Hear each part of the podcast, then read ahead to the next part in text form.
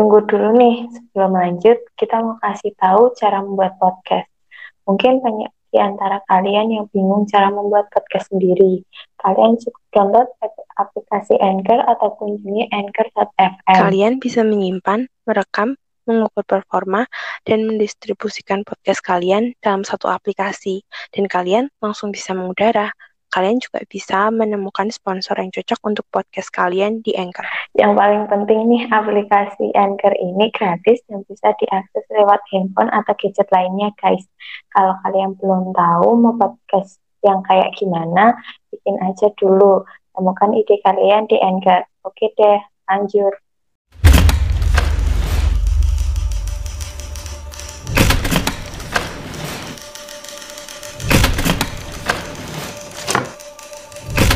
I had your attention?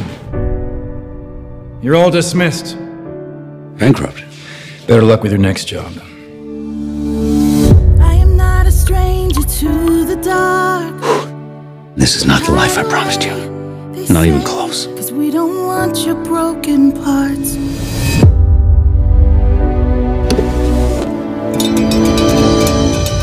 Girls, I think I've had an idea.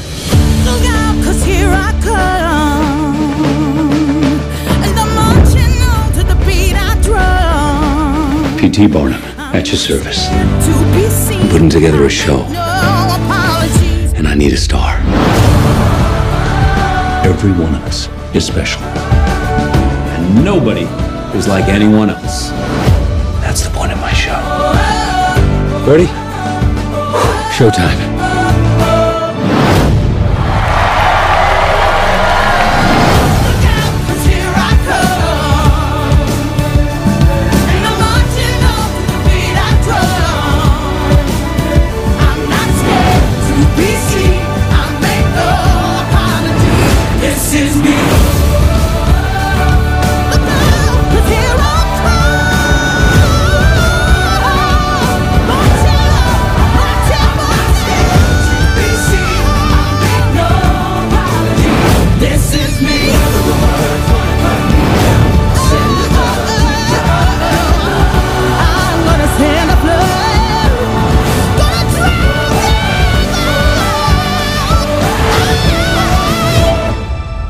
Never made a difference by being like everyone else. I can't just run off and join the circus. Why not? I mean, you clearly have a flair for show business. For show business? Mm-hmm. I've never heard of it. Because I just invented it. Eh, halo semuanya, kembali lagi kita ketemu di Raco Podcast. Nah, tadi kan teman-teman sudah mendengarkan lagi trailer dari uh, film yang mau kita review yaitu The Greatest Showman. Jadi ini aku jelasin dulu tentang film The Greatest Showman-nya ini. Jadi uh, film The Greatest Showman-nya itu dia punya genre drama musikal. Jadi ini dirilis tadi tahun 2017 film The Greatest Showman ini ditulis sama Bill Condon sama sama Jenny Biggs. Jadi ada dua penulis uh, dari film ini terus disutradarain sama Michael Gracie. Nah ini itu uh, di film ini itu uh, Michael Gracie itu debut jadi film debut penyutradaraannya dia. Nah, untuk film ini dirilis di Amerika Serikat itu tanggal 20 Desember 2017. Nah, ini itu udah meraup uh, sekitar 420,4 juta dolar. Nah, ini didapetin dari di seluruh dunia, dari seluruh dunia. Nah, film The Greatest Showman ini mendapat beberapa penghargaan di di acara Golden Globe Award ke-75 dan mendapat tiga penghargaan. Penghargaan pertama itu Best Motion Picture kategori musical or comedy. Lalu yang kedua ini Best Actor uh, buat aktor Hugh Hugh Jackman. kategori musical or comedy juga lalu yang buat ketiga ini uh, untuk lagu This Is Me ini Best Original Song selain di Golden Globe Awards ke-75 uh, lagu This Is Me juga dapat penghargaan uh, Best Original Song di Academy Awards ke-90. Untuk uh, film ini itu sebenarnya di, terinspirasi dari kisah nyata dari Phineas Taylor Burnham. Nah ini tuh ceritanya si tokoh pegawai di perusahaan perkapalan tapi karena ada suatu masalah jadi dia harus PHK di PHK habis itu dia uh, mendirikan museum yang dinamain Barnum's American Museum. Nah, tapi di sini itu dia di kayak menarik pengunjung buat datang ke museumnya itu tuh dia merekrut orang-orang yang berkebutuhan khusus sama dia menyebar hoax tentang orang-orang yang dia rekrut itu. Jadi contohnya buat yang orang pertama itu yang dia rekrut itu namanya Joyce Head. Nah dia itu tuh seorang mantan budak wanita. Dia buta nyaris lumpuh cuma untuk uh, menggait pengunjung dia itu tuh menyebar berita bohong kalau kalau kalau si Head ini mantan asisten perawat George Washington di Washington mantan perawat George Washington dan dia itu usianya 161 tahun. Nah, karena bohong itu dan rakyatnya itu percaya jadi kayak mereka ke apa pada datang gitu dan si Burnhamnya itu tuh dapat keuntungan kayak gitu. Cuma untuk di filmnya ini si Burnhamnya ini diceritain sifatnya lebih baik gitu. Mungkin bisa dijelaskan oleh teman saya. Cak silahkan. Aku bakalan cerita sedikit nggak sedikit sih banyak tentang sinopsisnya kayak yang udah dijelasin di awal tadi ada tokoh yang namanya P.T. Barnum nah siapakah P.T. Barnum itu dia itu adalah anak dari seorang penjahit untuk majikan yang kasar ya, ya emang galak, kasar kayak gitulah. Namanya Helet. Nah, si Barnum itu ikut ayahnya menjahit di rumah majikannya itu. Dan si Barnum itu waktu ikut ayahnya, dia melihat anaknya si majikan itu namanya Charity. Nah, si Charity ini lagi berlatih semacam kedisiplinan gitu Singkatnya, karena mereka saling tatap, terus si Charity ini merasa punya temen, akhirnya mereka akrab. Tapi si Barnum sama Charity ini akhirnya LDR gitu, karena Charity ini dikirim untuk sekolah disiplinan gitu. Nah, lewat musikalisasi yang dibuka di awal film itu, ya sebenarnya bukan di awal sih agak di tengah-tengah setelah perkenalan itu akhirnya si akhirnya si Charity ini kayak curhat gitu ke Barnum kalau misalnya aku mau disekolahin ke sekolah kedisiplinan terus kayak dia nggak tahu harus apa gitu nah terus dihiburlah sama si Barnum ini lewat lagu A Million Dreams. Nah, lewat lagu itu penonton dibawa ke alur di mana mereka mulai beranjak dewasa gitu. Terus waktu mereka LDR itu masih tetap berkirim surat satu sama lain. Nah, setelah beranjak dewasa, Barnum yang diperankan oleh Hugh Jackman ini mulai kerja di perusahaan ekspedisi kapal sebagai akuntan dari situ karena dia udah punya kerjaan akhirnya Barnum berani menikahi Charity ini dengan bermodalkan pekerjaan seadanya, dia akhirnya kayak direndahkan gitu sama ayahnya Charity ini. Karena kayak harta cuma segitu-segitu doang, aku yakinlah anakku pasti balik lagi ke rumahku ini. Karena emang sih Charity ini kan dari kecil kecukupan, bisa dibilang berkelimpahan malah. Sedangkan Barnum ini kayak ya udah anaknya tukang jahit gitu ya pokoknya direndahkan lah terus kerjanya cuma gitu-gitu aja gitu kan. Terus akhirnya mereka menikah dan dikaruniai dua orang putri yang lucu namanya Caroline dan Helen. Awal-awal waktu nonton ini menurutku karakter si Barnum ini positif banget orangnya. Punya mimpi besar terus selalu ingin membahagiakan keluarganya.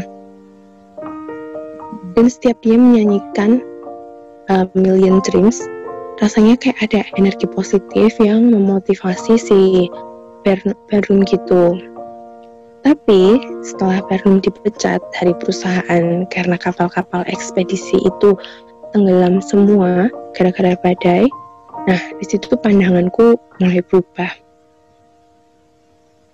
Dia mulai kayak memutar otak gitu gimana caranya supaya tetap bisa menghidupi keluarganya. Di ditunjukin kalau misalnya sertifikat kapal-kapal itu dibawa pulang sama Barnum.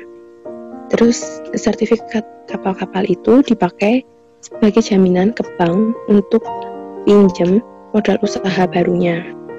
Nah, setelah berhasil dapat pinjaman, terus dia akhirnya membangun itu tadi museum itu tapi nggak ada perkembangan. Padahal tiap bulan harus bayar cicilan ke bank.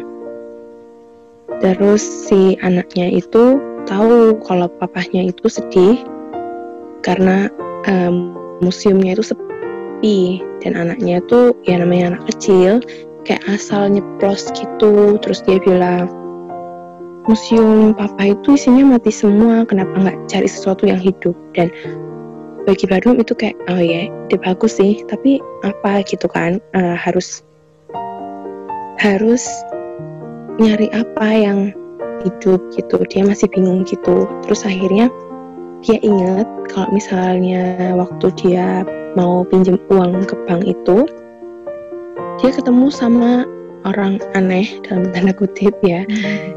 uh, itu orang yang pertama kali ditemuin adalah Charles yang diperankan oleh Sam Humphrey.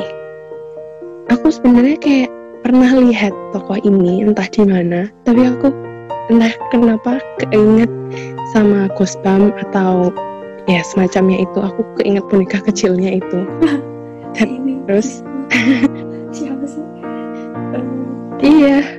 Dami, Dami, Dami apa Iya ya lupa aku namanya apa tapi itulah. lucu nggak sih tokohnya itu? Maksudnya dia badannya kecil tapi suaranya tuh kayak berat banget gitu. Iya lucu tapi. Muka mukanya tuh juga imut gitu kayak muka anak kecil. Maksudku kan ada kan ya yang orang yang pendek kayak gitu cuma wajahnya kelihatan sesuai umur. Tapi ini wajahnya dia tuh kayak kayak kelihatan anak kecil gitu nggak sih? Iya kelihatan anak kecil dan pas dia ngomong aku langsung kaget. Eh oh, aku baru ngeh gitu ya nah dari situ ya dari situ akhirnya si Barnum ini mulai merekrut orang-orang aneh dan banyak yang daftar gitu. Cuman waktu dia merekrut si Charles ini sebenarnya menurutku bahasanya si Barnum ini agak kasar sih. Kan kamu udah sering diketawain orang kenapa nggak diketawain terus jadiin duit gitu. Ya menurutku tuh kasar sih soalnya ya. siapa sih yang mau diketawain orang terus dibayar gitu ya. Entahlah apa yang dipikirkan oleh si Barnum ini. Terus karena udah banyak yang daftar terus ya sukses besar setelah mengadakan pertunjukan sirkus itu terus akhirnya terkenal terus bisa diundang ke Buckingham tampil di hadapan Ratu Victoria ya kalau nggak karena bantuannya si Zac Efron sebenarnya nggak bisa juga sih. Tapi mm -hmm. pertama kali aku lihat Zac Efron langsung kayak salvo oh Disney. Aku langsung gitu nah jadi si Zac Efron ini berperan jadi Carlisle nah dia tuh kayak punya relasi ke orang-orang terkenal gitu. Jadi dia bisa ngajak si Barnum ini ke uh, tampil di hadapannya Ratu Victoria. Cuman sebenarnya agak tersinggung juga dong uh, anak bimbingan sirkusnya itu kayak kita diajak nggak sih? Terus kayak ya kalau dari situ kayak gambarannya kayaknya bakalan malu sih kalau ngajak si mereka ini cuman ya si si Zac Efron ini sebenarnya bukan fokus ke anak sirkus ini tapi kayak fokus ke Zendaya harus ikut. Siapa sih namanya? An iya N. Ah, siapa sih namanya? Anu Anu, iya kan N kan? Anu Iya. N. Anu. Iya. iya iya. Nggak begitu tahu cara bacanya. Ya karena emang yang si siapa? Si Zac Efronnya ini si Philip siapa tadi namanya? Kok agak lupa? Carlisle. pertama pertama kali lihat si eh, tokoh yang di si diperanin sama Zendaya si anunya ini dia kayak langsung langsung ini langsung apa sih namanya kayak langsung suka gitu loh. Iya. Langsung tertarik kayak gitu. Jadi kayak mau gimana pokoknya ya gimana pokoknya caranya dia bisa deket sama si Ano ini kayak gitu kan. Iya tapi itu eh, pas ngeliat mereka berdua langsung mikirnya ini lagi ada di film Disney atau lagi di mana? Jadi salvo gara-gara itu sih. Ya karena mereka berdua kelihatan banget kayak oh ya ini pemerannya Disney mungkin bisa nanti Disney membuat kisah untuk dua orang itu. Walaupun hanya hanya hanya hanya cerita fiksi bukan dari kisah nyatanya oke oke lanjut. Nah, eh, setelah setelah terkenal, akhirnya si Iti Barnum ini bisa beli rumah. Sesuai sama yang dijanjiin ke istrinya dulu. Kalau misalnya dia akan mensejahterakan, ya gitulah. Intinya bikin keluarganya itu tampil gitu biar nggak dihina terus sama orang tuanya si Charity ini. Terus si anaknya kan waktu itu juga pengen kursus balet akhirnya kesampaian terus kalau misalnya dilihat-lihat sebenarnya film yang kelihatannya baik banget ini sebenarnya penuh tipu muslihat ya intinya kalau diperhatiin bener-bener tuh si Barnum ini penipu yang udah pro gitulah ya. Sampai istrinya aja nggak tahu kalau dia itu nipu. Entah sih emang nggak tahu atau emang nggak nggak. Cuman Barnum aja tuh nggak nggak cerita oh ini loh aku tuh sebenarnya dipecat. Terus habis itu eh, kehilangan kapal-kapal. Tapi aku bawa sertifikatnya nggak diceritain tapi kayaknya si Charity juga nggak tahu kalau sertifikat itu dijadiin jaminan sih Iya, waktu cerita kan si si istrinya itu kan emang nanya kan, kok bisa dipinjemin sama bank sebanyak ini kan? Dia dapat dari mana? Dia Mm-mm. kayak nggak mau jujur gitu loh. Cuma se seingatku dia cerita kalau emang dia udah ini sih, udah nggak kerja lagi, makanya dia buat itu gitu. Cuma nggak nggak yang cerita tentang dia pakai sertifikat kapalnya itu sih buat ke bank. Aku jujur itu aku kaget, hah? Kok bisa orang udah tenggelam? Gimana bisa itu? Kayak gitu loh. Kaget gila. Nekat sih itu sebenarnya. ini antara antara si Barnumnya yang cerdik atau emang pihak banknya yang kurang teliti? Hmm, ya nggak ngerti. Tapi anak sirkusnya ini paham kalau misalnya dia itu penipu. Contohnya ini si wanita berjenggot. Ya yang suaranya bagus banget itu. Dia tuh sadar gitu. Di salah satu scene dia bilang kita tahu kok kalau misalnya kamu tuh penipu. Cuman karena kami bisa punya keluarga baru jadi ya seneng aja gitu ada di museum ini. Terus karena keluarga keluargaku itu tuh kayak nggak bisa nerima kekuranganku gitu. Terus ketika kamu ajakin aku masuk ke sini ya aku bisa punya teman-teman baru kayak keluarga baru yang bisa nerima aku gitu. Terus uh, intinya apa iya si Barnum ini mau mengakhiri semua yang udah dibangun terus mau diakhirin begitu aja terus kalau misalnya kalian pengen tahu kenapa si Barnum ini kayak mulai kacau balau ya terus mau mengakhiri si museum ini ya kalian nonton aja ya. Soalnya biar kerasa gitu loh gregetnya sedihnya keselnya. Kerasa banget sih aku sedihnya. Kayak bener-bener apa yang udah dia bangun dari lama bisa hancur dalam sekejap kayak gitu kan. Iya nggak sih iya cuman gara-gara keegoisannya dia gitu.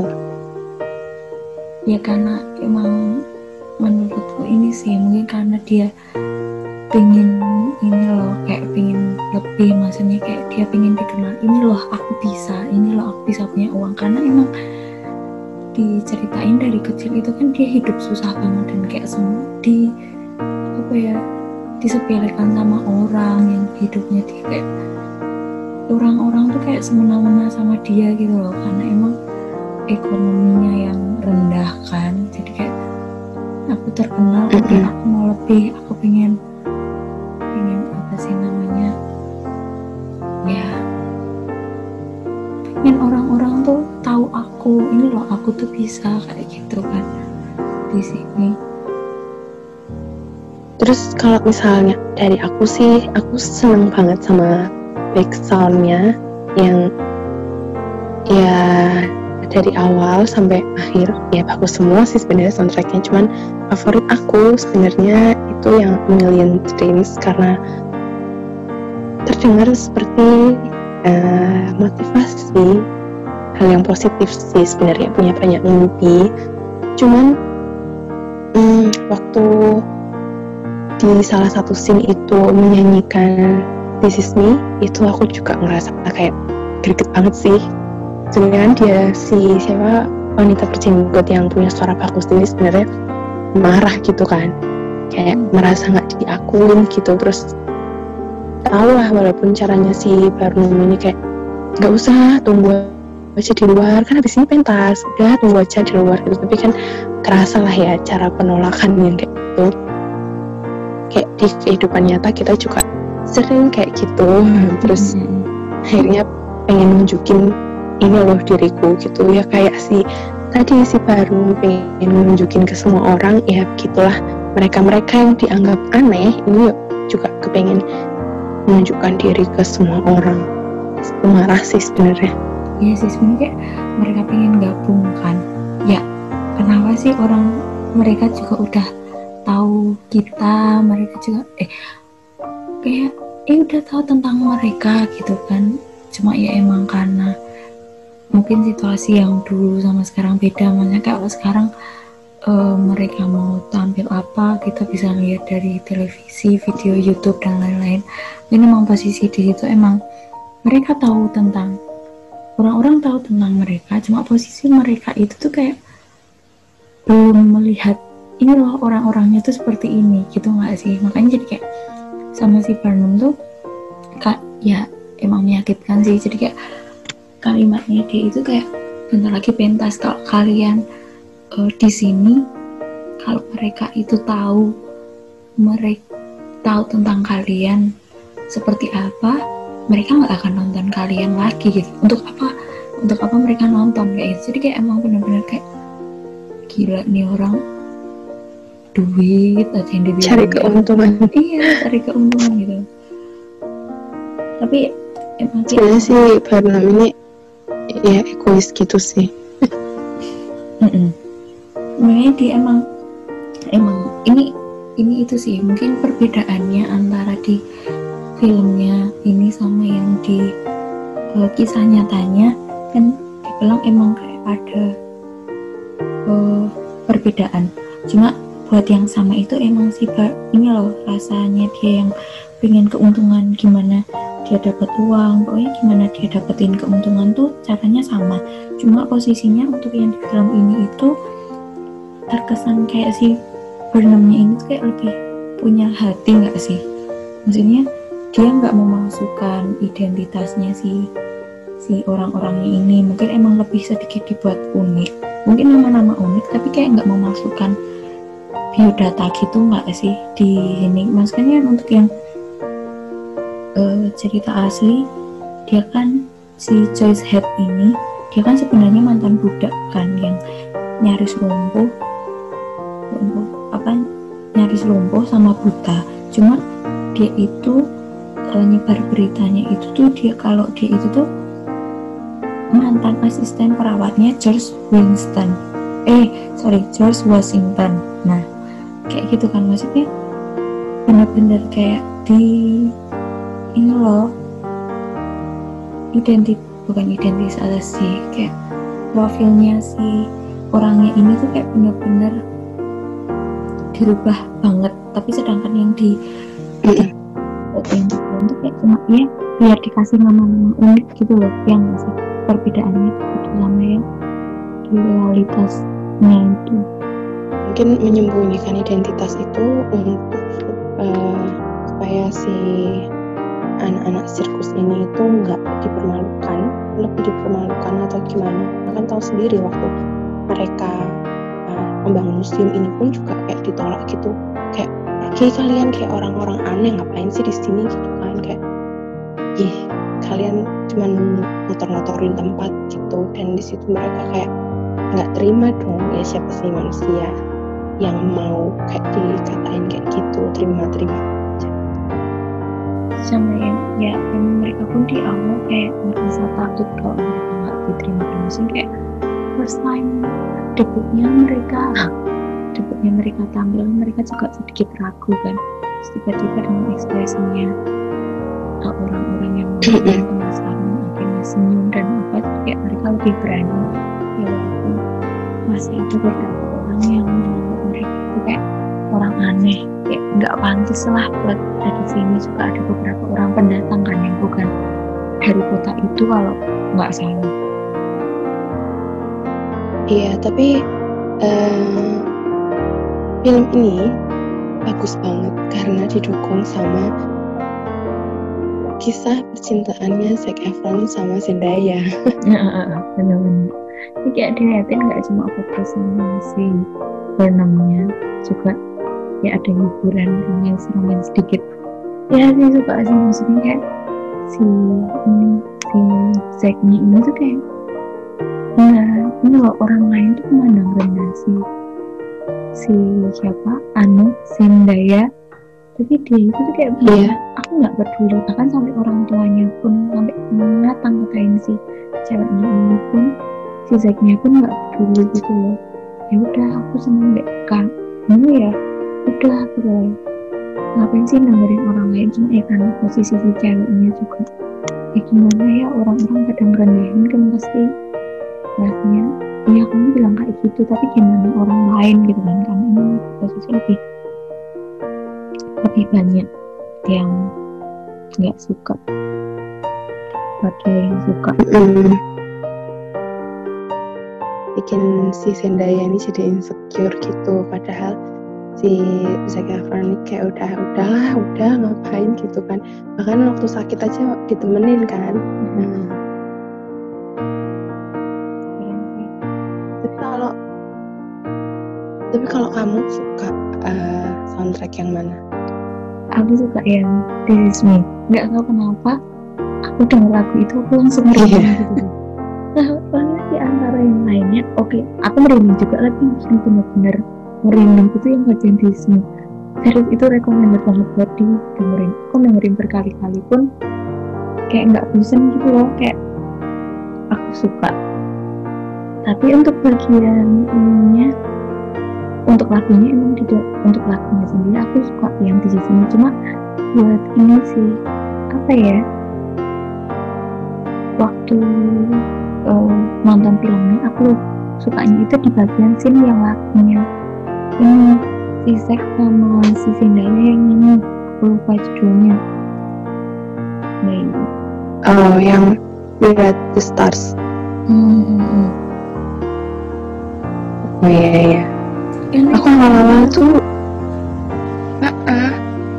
awal-awal kayak mikirnya, ah ini bakalan yang menang gitu loh. Ternyata enggak. Ternyata is me. ya udahlah. Tapi emang bagus sih. Terus eh, karena didukung juga sama yang siapa namanya? Bentar-bentar. Siapa sih namanya yang nyanyiin Never Enough itu? settle aku nggak bisa baca settle set settle si ya apa sih settle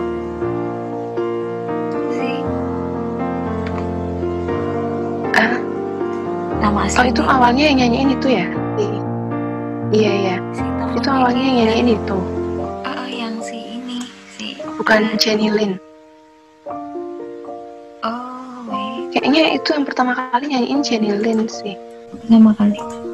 Bukan berarti nggak bukan si tokohnya ini bukan si tokohnya si ceweknya yang yang jenggot itu. Letty Let's Itu Kela settle yang jadi ini bukan ya dia kayak kayaknya enggak sih. Soalnya waktu itu lagu itu dipakai buat konser yang bukan konser opera yang gede itu kan. hmm. Hmm, Ya itu. si, si. Letty, dia berperan sebagai Letty. iya iya bentar penyanyi sebelumnya siapa Jenny Lin. no no no itu beda lagu lagi Never enough. oh ini bahas never enough toh aku kira ke this is me sorry sorry Astaga, dari tadi. bahas this is me aduh aduh. Iya, iya, iya, iya. Jadi kita tadi ada ngotot nemu. Ya baiklah. Mam, mam, mam, mam. Kesimpulannya apa nih yang bisa diambil dari film ini? Banyak sih sebenarnya. Kalau aku penerimaan, kayak belum tentu orang akan menerima kekurangan kita, terus belum tentu orang akan menghargai kayak perjuangan kita gimana sampai kita percaya diri, terus orang ternyata orang yang bikin kita percaya diri ini cuman manfaatin ya sering kali kayak gitu sih. Cuman dari sini ya kayak belajar lah buat nggak gampang percaya sama omongan orang. Terus tetap punya ide-ide cemerlang kayak si Bandung cuman nggak usah nipu juga sih. Kalau kesimpulan yang aku dapat intinya itu love yourself kayak bener-bener. Ya mau kayak gimana kamu mau kayak gimana bentukmu kamu kayak gimana kehidupanmu kayak ya udah kamu yang jalanin kayak gitu. Ya ya emang sulit sih. Didu- dilakukan di dunia nyata karena emang aku masih masih juga sering mendengar omongan-omongan orang dan kayak insecure sendiri. Kayak tapi kayak bener-bener di sini tuh mau kayak gimana kamu tetap hidup tuh kamu yang jalanin gitu kayak ya udah mau orang itu orang-orang kamu nyuruh kamu buat berubah gini-gini toh mereka kayak nggak ya kasarnya kayak mereka nggak ngasih makan kamu kayak gitu nggak ngidupin kamu. Untuk apa sih? Itu iya nggak sih? Yang membuat sukses diri kamu itu tuh kayak bukan orang lain gitu tapi diri kamu sendiri. Kayak fokus sama orang-orang yang dukung kamu aja lah daripada kamu fokus sama orang-orang yang ngomongin kamu yang kayak gitu yang nggak mendukung kamu yang jatuhin kamu. Kayak gitu sih. Iya.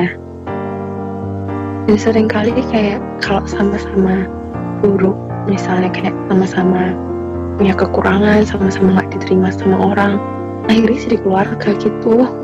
Mm-mm. jadi kayak karena punya rasa sakit yang sama. Ya dulu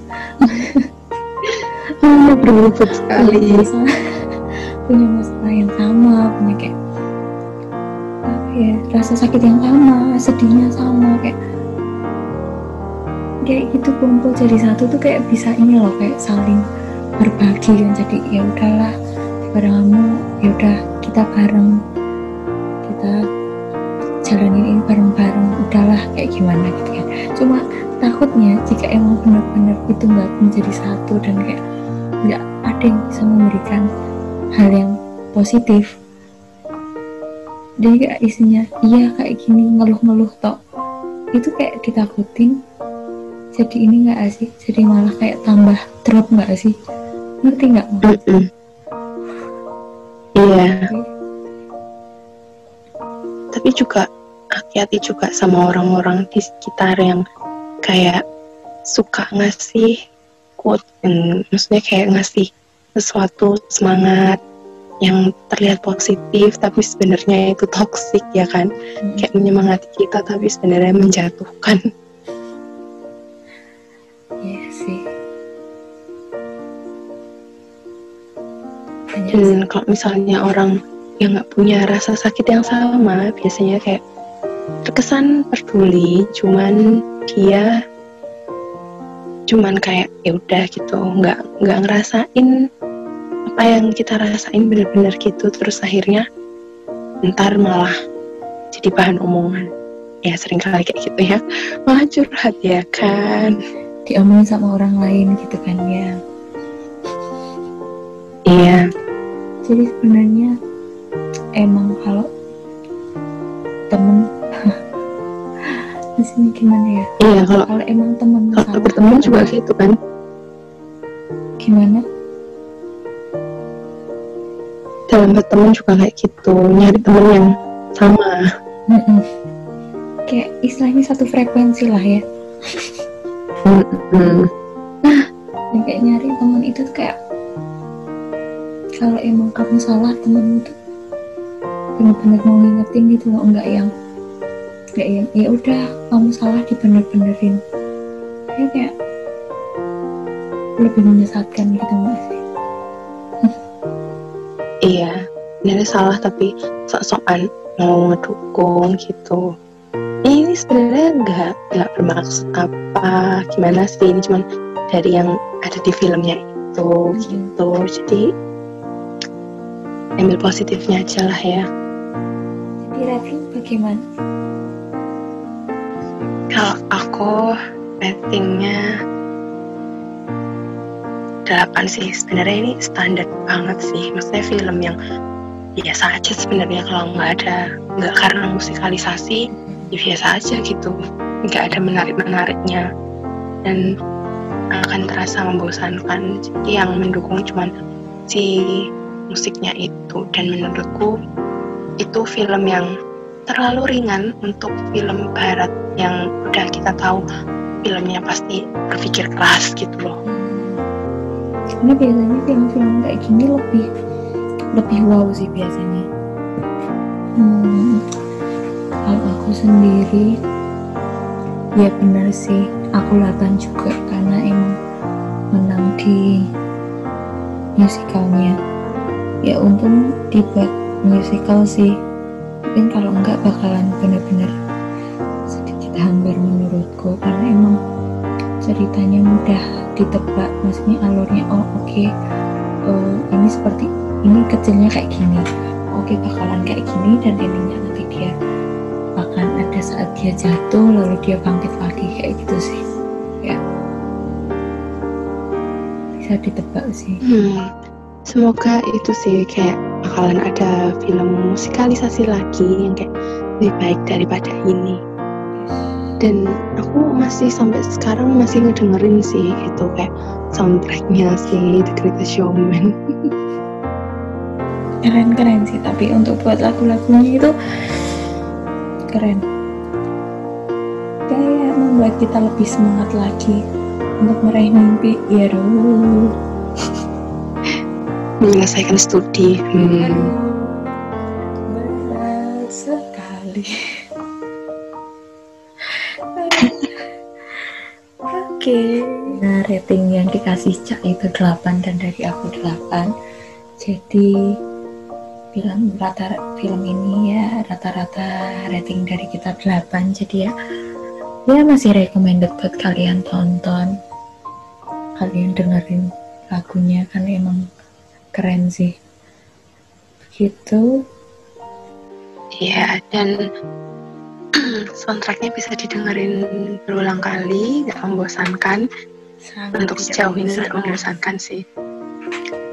Terus kalau misalnya ada film musikalisasi yang lebih baik daripada ini, bisa sih kalian rekomendasiin ke kita.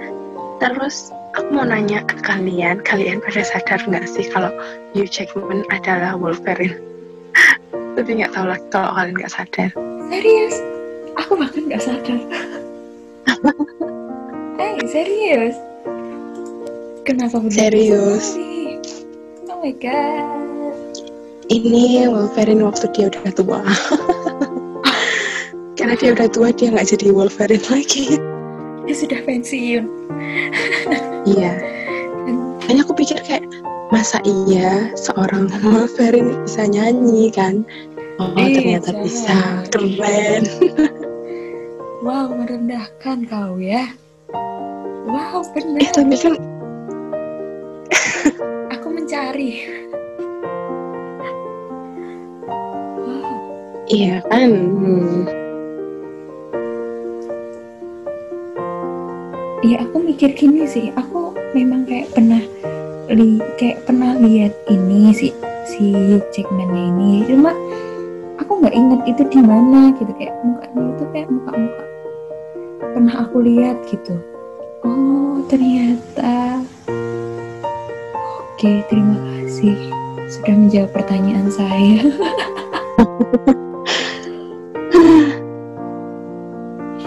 bukan bukannya aku meremehkan dia nggak bisa nyanyi, tapi karena di Wolverine dia kayak seseorang yang kayak berbeda eh, mm-mm, kayak dia punya cakar. Terus tiba-tiba nyanyi kan orang serem terus nyanyi. Ya kan emang kita sering kayak kebawa sama eh, tokoh yang dia mainin kan. Maksudnya bukan karena kita nggak tahu kehidupannya dia yang asli kayak gimana dia orangnya kayak apa. Jadi kayak kita lebih kebawa sama eh, si tokoh yang dia bawain bukan si dianya ya kan?